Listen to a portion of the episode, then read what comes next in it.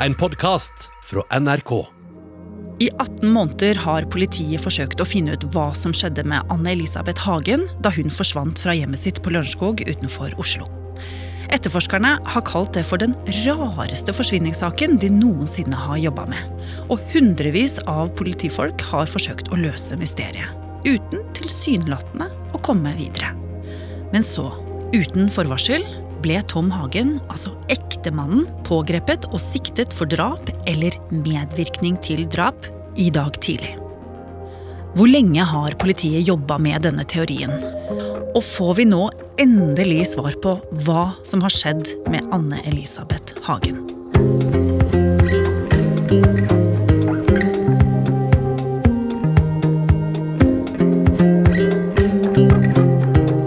Du hører på Oppdatert. Jeg heter Ragna Nordenborg. Klokka 08.30 i dag morges så kjører eh, Tom Hagen til jobben sin som vanlig. Han eh, kommer kjørende i eh, Nordahl Griegs gate i Lørenskog da det kommer politibiler med blålys foran og sperrer veien. Så kommer det flere politibiler til. Og det vitner har beskrevet, er da at Tom Hagen går ut av sin Ford Kuga og blir tatt med inn i en eh, politibil og kjørt av gårde mens bilen hans blir stående på fortauet. Dennis Ravndal er journalist i NRK Nyheter og har jobbet i mange år som krimreporter. Øst politidistrikt har i dag pågrepet Tom Hagen, sikta for drap eller medvirkning til drap på sin kone Anne Elisabeth Hagen. Siktelsen er et resultat av en brei og omfattende etterforskning, der mistanken mot Tom Hagen har styrka seg over tid. Og dette er politiet på pressekonferansen bare noen timer etter pågripelsen. Hva vil det si at han er siktet? Nei, Det vil si eh, at politiet mener at det er mer enn 50% sannsynlig at han har gjort seg skyldig i det han er sikta for, altså å ta livet av eller å ha medvirka til å ta livet av kona si.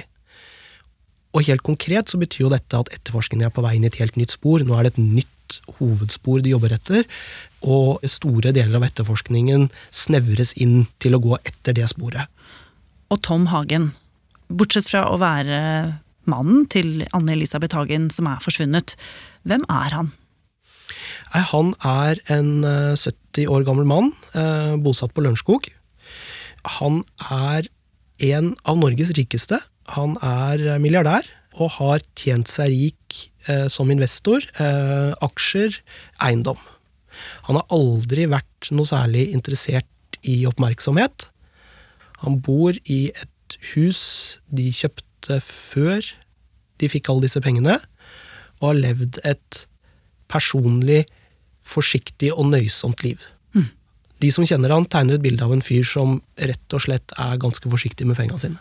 Og han skal ha vært ganske samarbeidsvillig med politiet. Helt siden den dagen kona hans forsvant. Ja, det stemmer. Eh, Gjennom sin bistandsadvokat så har han sagt at han har samarbeida 100% med politiet helt siden dette startet. Øst politidistrikt har i flere uker etterforsket en sak eh, der en kvinne har vært savnet eh, fra sitt hjem. Det siste sikre livstegn er fra onsdag 31. oktober 2018. Ja, dette startet jo for omtrent halvannet år siden i Sloraveien 4 på Lørenskog. Og det var en helt vanlig morgen. Tom Hagen dro på jobb rundt klokka ni, som han pleide. De hadde vært en tur eh, i teater eh, kvelden før. Og Anne-Elisabeth Hagen, som er pensjonist, ble igjen hjemme akkurat som hun pleier. Så vet vi at det var en telefonsamtale klokka 09.14 mellom Anne-Elisabeth Hagen og et annet familiemedlem. Og så er det stille. Og det som skal ha skjedd videre da, er at Tom Hagen kommer hjem igjen sånn i halv to-tida.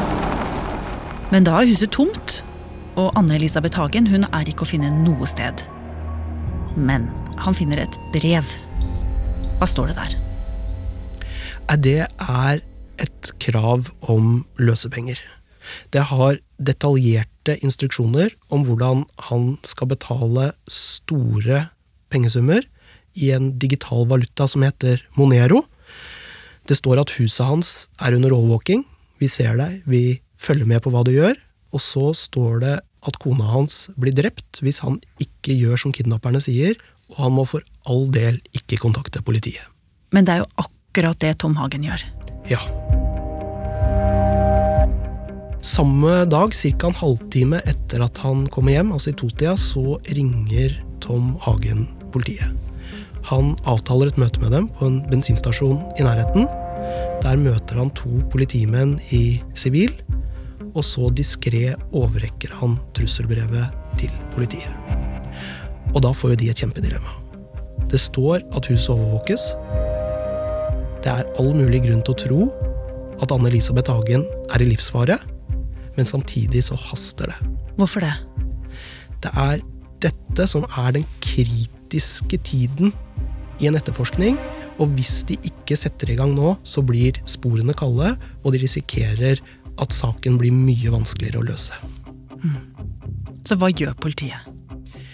Nei, De gjør flere ting. De setter opp kameraer eh, rundt huset hans, diskré. Eh, later som de er håndverkere.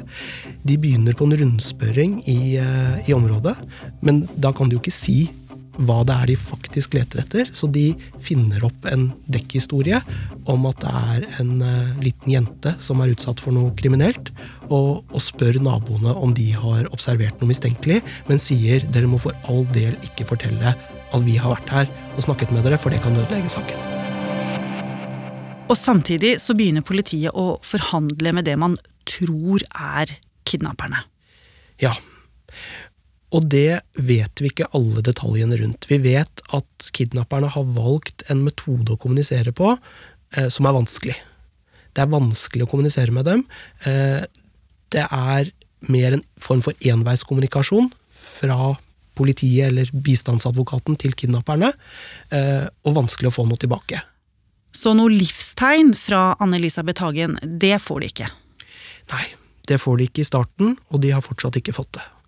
Og det er klart at dette er noe som etterforskerne har lurt på hele tiden. Hvorfor har kidnapperne valgt en plattform å kommunisere på der det er umulig å gi det eneste man trenger for å betale ut penger, nemlig et sikkert bevis på at Anne Elisabeth Hagen fortsatt er i live? Så går det mange måneder der vi hører at eh, politiet jobber med ulike spor, men uten at man egentlig kommer nærmere en løsning, Dennis. Hva er det de prøver å finne ut av? Det første man gjør, det er å hente inn teledata fra alle basestasjonene i nærheten. Altså hvilke mobiltelefoner som har slått inn på de ulike telefonmastene i området rundt Lørenskog og sannsynligvis Oslo. Ja så henter man ut eh, oversikt over alle biler som har passert bomringene. Og i det hele tatt store datasett eh, som forhåpentligvis kan gi politiet en vei å gå videre. Og så konsentrerer de seg selvfølgelig om det viktigste, som er åstedet. Og igjen, vi, vi vet ikke alt. Vi vet ikke alt politiet har funnet, og hvilke spor de har, men vi vet noen ting. Vi vet at det er funnet et skoavtrykk eh, som tror må tilhøre noen andre enn familien Hagen. Og dette har de eh, jobbet mye med, selvfølgelig. Vi vet at de har undersøkt papiret som dette løsepengebrevet er skrevet på, og at de har fastslått at dette sannsynligvis er kjøpt eh, på Claes Olsson. Hmm. Så vet vi at de har undersøkt hva slags type printer som er brukt for å skrive ut dette løsepengekravet. Vi vet at det er funnet en strips, altså et, en sånn plastgjenstand som man kan bruke for å binde hendene på noen på stedet. Eh, og at det er andre tekniske spor eh, som man har funnet. Og også sannsynligvis i hvert fall en delvis DNA-profil fra noen andre enn familien Hagen eller de som hadde vært naturlig der på besøk. Men så virker det som om det bare stoppet opp. Og da jeg snakket med deg om denne saken for noen måneder siden, altså rundt juletider, så trodde du at saken kanskje aldri kom til å bli løst. Nei, jeg var ikke så veldig optimistisk eh, på det. Eh, til tross for at politiet da gikk ut sånn ikke så lenge etter at vi prata sammen og sa at de hadde håp om et gjennombrudd. Og da spisser jo vi ørene litt, for hvorfor går politiet ut og sier det? Jo, det eneste svaret på det er for å legge press på de de tror er gjerningsmennene. Og så viser det seg jo da at det har pågått en etterforskning i det skjulte mot ektemannen hennes, Tom Hagen. I både forsvinningssaker og drapssaker gjennomfører politiet mange av de samme etterforskningsskrittene. I begge typer saker er det også naturlig at personer med relasjoner til den savnede eller fornærmede får mye oppmerksomhet. Dette har også vært tilfellet i etterforskningen av denne saken. Og dette var det jo politiinspektør Tommy Brøske som sa på pressekonferansen i dag. Og politiet sier jo ikke så veldig mye om det selv, men NRK forteller i dag at politiet har drevet en såkalt skjult etterforskning helt siden sommeren 2019, for da fikk de en rettskjennelse på at det var greit. Og hva er det politiet har gjort da, sånn helt konkret? Vi vet jo ikke akkurat hva de har gjort i denne saken, men, men, det vi vet at loven åpner for, det er jo telefonavlytting. Altså avlytte alt som kommer inn både til fasttelefon og mobiltelefon. Og det åpner i særskilte tilfeller også for fysisk video- eller lydovervåking. Altså rett og slett at man plasserer et lite kamera og mikrofon i en leilighet eller et hus. Så de kan ha gått inn i huset til Hagen og kobla opp kameraer og sittet og sett på alle bevegelsene han har gjort inne i huset sitt. Dersom retten har ment at det har vært nødvendig, så har man hatt muligheten til det. Men nøyaktig hva de har gjort, det vil ikke politiet ut med. Men noe fikk vi jo vite i dag. Ja. Politiet er nå av den oppfatning at det ikke har skjedd en bortføring.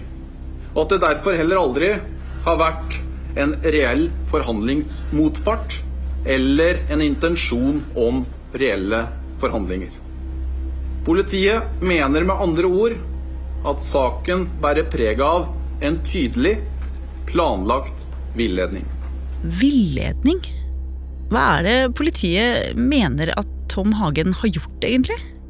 Nei, Ut fra det vi vet i dag, så mener de jo at han, enten alene eller sammen med noen, har gitt seg ut for å være kidnapperne, samtidig som han har sittet og samarbeidet med politiet i jakten på dem.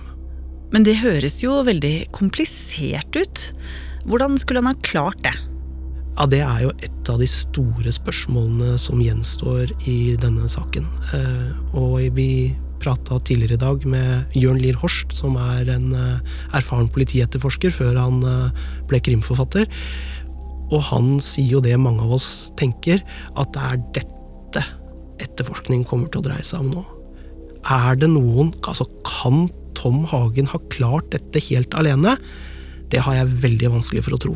Hvordan skal de finne ut av det? Da må politiet ut og jakte på hvem som kan ha hjulpet han. Og da skal vi også huske at det begynte de med for lenge siden. Altså, de har gått tungt inn i kriminelle miljøer både på Østlandet og over hele Norge for å på en måte finne noen som vet noe. Og så vidt vi vet, så har det ikke kommet noe ut av det. Hva med alle disse andre sporene da, som de har? Altså skoene, papiret, strips, DNA-spor, og ikke minst alle disse dataene de har samla inn eh, fra trafikk og mobilbruk. Eh, er det bare waste nå? Nei, Det er jo kanskje viktigere enn noensinne. Eh, fordi det er jo her svaret kan ligge, da, hvis det faktisk er Tom Hagen og det er flere gjerningsmenn. Så blir jo disse sporene enda mer interessante. Altså, hvis vi skal gå ut fra da, at dette er iscenesatt. Hvordan havnet den stripsen der? Da må jo den ha blitt planta der for å villede politiet, akkurat som dette brevet med krav om løsepenger. Mm. Det skal sies at Tom Hagen han nekter straffskyld. Og han sier gjennom sin advokat at det er vanskelig å bli beskyldt for dette, fordi han ikke har noe med det å gjøre. Men la oss se litt framover, Dennis. Altså, Nå blir jo Hagen varetektsfengslet. Og så skal jo etterforskningen fortsette. Eh, kanskje blir det tatt ut tiltale. Og da blir det jo sannsynligvis rettssak. Men vi har jo tusenvis av spørsmål nå som vi ikke får svar på fordi politiet nekter å gi noe mer eh, informasjon. Men hva er det vi egentlig lurer mest på? Er det, er det motivet? Jeg leste jo i dag at uh, Anne Elisabeth Hagen kunne hatt krav på Tom Hagens millioner, f.eks. Er det det vi lurer på? Motivet? Jeg tror at alle vi som følger saken, vi lurer nok mest på det. Hvorfor skulle en av Norges rikeste menn fingere en bortføring av sin egen kone for å skjule drapet på henne? Men tror du vi noen gang kommer til å få svar på hva som har skjedd med Anne Elisabeth Hagen? Nei, Det må jeg si at det er jeg fortsatt veldig usikker på.